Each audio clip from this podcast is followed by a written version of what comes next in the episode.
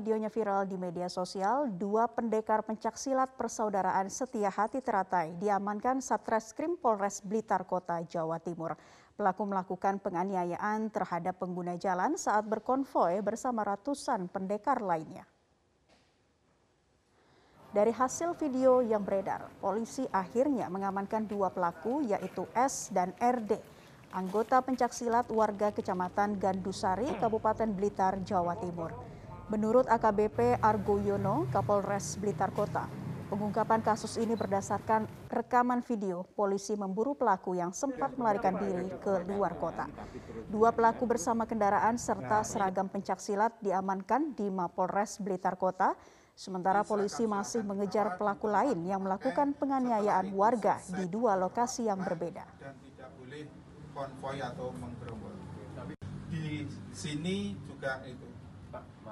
Kan terus Setelah kejadian tersebut, korban melakukan uh, laporan di SPKT Polres Blitar Kota dan setelah itu langsung ditindaklanjuti dengan melakukan visum. Dari hasil visum serta disesuaikan dengan keterangan baik dari saksi maupun tersangka, cocok di mana dia menendang, di mana dia memukul, di mana luka robek yang ada di bibir dan sebagainya sesuai yang disampaikan oleh tersangka. Sehingga dari hal tersebut para tersangka disangkakan pengenangan pasal 170 KUHP yaitu barang siapa bersama-sama melakukan kekerasan terhadap orang atau barang menyebabkan suatu luka dihukum penjara selama 87 tahun. Kita ke informasi berikutnya, jelang laga Persib Bandung versus PSIS Semarang Sabtu sore di Stadion Gelora Bandung Lautan Api. Tim gabungan kepolisian dan Dishub melakukan penyekatan di empat titik jalan menuju stadion. Sejak Sabtu pagi, pemirsa, penyekatan dan pemeriksaan dilakukan di empat titik jalan menuju Stadion Gelora Bandung Lautan Api. Penyekatan tersebut dilakukan untuk mengantisipasi penumpukan antara penonton yang memiliki tiket dan yang tidak saat masuk ke dalam stadion. Para supporter maupun warga yang akan melintasi area Stadion Gelora Bandung Lautan Api pun harus bisa menunjukkan gelang sebagai tanda tiket untuk menonton pertandingan. Para supporter yang tidak bisa menunjukkan tiket atau gelang yang sudah diberi tanda langsung diputar-balikan kembali oleh petugas karena area Stadion Gelora Bandung Lautan Api harus steril dari para supporter yang tidak memiliki tiket. Sementara itu pengamanan di area stadion yakni ring 2 dan ring 1 juga diperketat.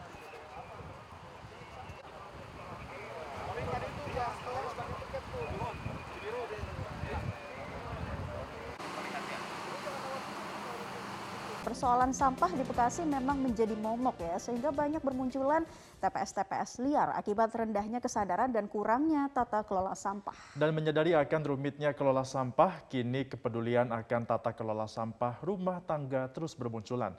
Salah satunya unit pengelolaan sampah yang didirikan di lahan terbatas Fasos Fasum seluas 600 meter persegi ini. Lokasi ini menampung sampah rumah tangga dari tiga perumahan dengan jumlah sebanyak 500 kepala keluarga. Sampah-sampah yang diolah ini di, di tempat ini diambil dari rumah-rumah warga sebelum diolah sampah-sampah dipisahkan, mulai dari sampah organik, sampah yang non-organik, dan juga sampah yang masih bernilai ekonomis. Dan kehadiran unit pengelolaan sampah mandiri lestari ini mendapat respon positif dari warga sekitar. Menurut warga, kehadiran unit pengelolaan sampah tersebut secara tidak langsung akan memberikan edukasi untuk bertanggung jawab, di mana warga sudah diajak memilah sampahnya sehingga tidak asal membuang sampah. Aja, udah bersih, udah sholat. Sangat bersyukur ya dengan uh, sangat semangatnya dari para pengurus hmm. RW 020 khususnya uh, untuk menangani sampah di lingkungan kita hmm. karena dengan adanya pengelola sampah ini paling-paling utama hmm. itu yang udah dirasakan ininya hmm. tidak ada penumpukan sampah di oh. tiap rumah hmm. dan mulai kita udah mulai memilah-milah hmm. uh, sampah organik dan non organik masyarakat juga uh, banget hmm. masalah sampah ini karena banyak faktor ya yang kita dapat hmm. plusnya gitu apa tuh plusnya nah, plusnya apa biasanya warga itu sembarangan kan ngasih apa sih nimpa-nimpa apa ya lemparin sampah gitu hmm. kalau sekarang udah bisa mereka tuh memilah sampah mana Dipilah yang dulu organik, ya? Mm-mm. mana yang non organik. Terus kalau yang non organik mereka dipilah lagi mana yang punya nilai jual, Hmm. mana yang Diduga tercemar limbah crude palm oil atau CPO dari salah satu pabrik kelapa sawit, sebanyak ribuan warga desa di Kecamatan Padang Jaya, Kabupaten Bengkulu Utara, Provinsi Bengkulu saat ini mengalami kesulitan air bersih. Dan hal ini terjadi akibat sungai Bintunan yang ada di daerah tersebut telah berubah menjadi warna kuning dan juga berbau busuk. Tercemarnya Sungai Bintunan sempat membuat heboh warga desa Lubuk Banyau, Kecamatan Padang Jaya, Kabupaten Bengkulu Utara, Provinsi Bengkulu. Pasalnya, Sungai Bintunan yang menjadi satu-satunya sumber air bersih bagi warga desa di Kecamatan Padang Jaya yang digunakan sebagai sumber air minum, mencuci pakaian, dan memasak, kini menjadi kuning dan berbau busuk. Kepala Desa Lubuk Banyau, Ahorianto mengatakan cairan berwarna kuning di aliran Sungai Bintunan diduga berasal dari limbah CPO dari salah satu perusahaan perkebunan kelapa sawit yang lokasinya tidak jauh dari Desa Lubuk Banyau. Warga pas tahu betul itu sekitar jam 5, jam 6 lah, jam 6 pagi tadi. Berkisar lebih kurang 30 persen lah penduduk Lubuk Banyak ini memanfaatkan sungai ini. Separuh minum kan, mandi yang jelas itu.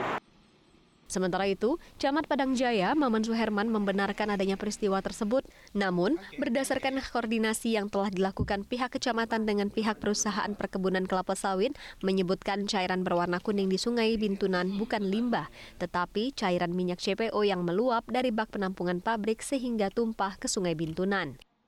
Hmm, hasil pemantauan kami di lapangan, tadi memang kami eh, sampai turun di Sungai Air Bintunan ya. Memang secara fakta di lapangan memang ada semacam eh, butiran atau cairan ya eh, seperti halnya kayak minyak gitu, seperti halnya minyak. Namun itu belum kita bisa pastikan seperti apa karena yang akan lebih apa me- mengetahui apa itu mungkin dari dinas terkait dalam hal ini dinas lingkungan hidup seperti itu. Seperti. Penyebabnya? Penyebabnya kalau tadi informasi sekilas bahwasanya dari kolam penampungan meluap. Jadi pipa ter- di bawah tersumbat, otomatis meluap dari penampungan CPO nya. Pihak perusahaan perkebunan kelapa sawit juga telah berupaya melakukan pembersihan di sepanjang aliran sungai, sehingga air sungai yang menjadi sumber kehidupan bagi ribuan warga desa di Kecamatan Padang Jaya dapat digunakan kembali.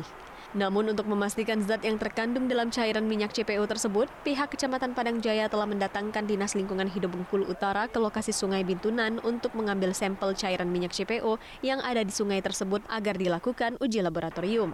Dari Kabupaten Bengkulu Utara, Ferry Jaya Saputra, Metro TV.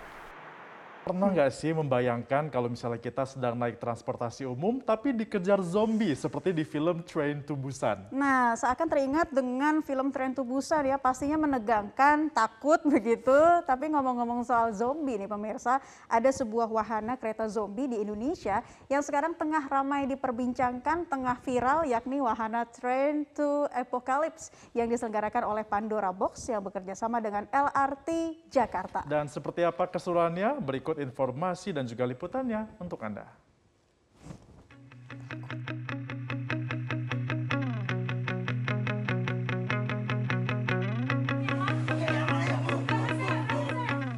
Apa rasanya dikejar zombie saat turun dari kereta? Atau bagaimana rasanya terjebak bersama zombie di dalam kereta? Jika Anda sempat menyaksikan film horor asal Korea, Train to Busan, tentunya sudah tidak asing lagi dengan adegan dikejar-kejar zombie saat naik kereta api. Nah, sekarang sensasi dikejar zombie dalam film tersebut juga bisa Anda rasakan melalui salah satu wahana terbaru yang hadir di Jakarta. Wahana Train to Apocalypse dapat dinikmati di stasiun LRT Boulevard Utara Kelapa Gading, Jakarta Utara dari 6 Agustus lalu hingga 11 September mendatang. Wahana kereta zombie pertama di Indonesia ini mengajak pengunjung untuk tidak hanya merasakan sensasi dikejar zombie, namun juga memberikan tantangan berbentuk puzzle untuk dipecahkan. Petualangan dikejar zombie berlangsung sekitar 20 menit.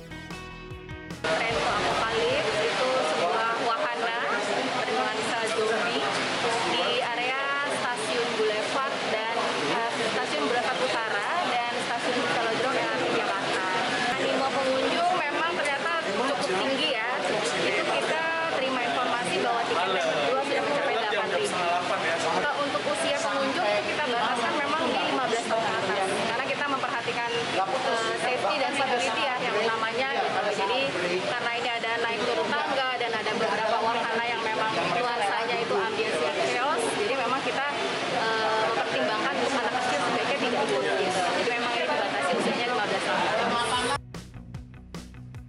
Meski berlokasi di LRT, wahana ini diklaim tidak mengganggu kegiatan para pengguna LRT lantaran jalur yang digunakan berbeda dengan jalur LRT. Bagi wisatawan yang tertarik, harga tiket Train to Apocalypse dibanderol seharga Rp60.000 untuk hari Senin hingga Jumat dan Rp75.000 untuk hari Sabtu, Minggu, dan hari libur. Harga tiket yang ditawarkan sudah termasuk tiket masuk dan tiket LRT. Adapun jam operasional wahana ini mulai pukul 14.00 hingga 21.00 waktu Indonesia Barat untuk weekdays dan pukul 13.00 hingga 22.00 waktu Indonesia Barat untuk weekends dan hari libur.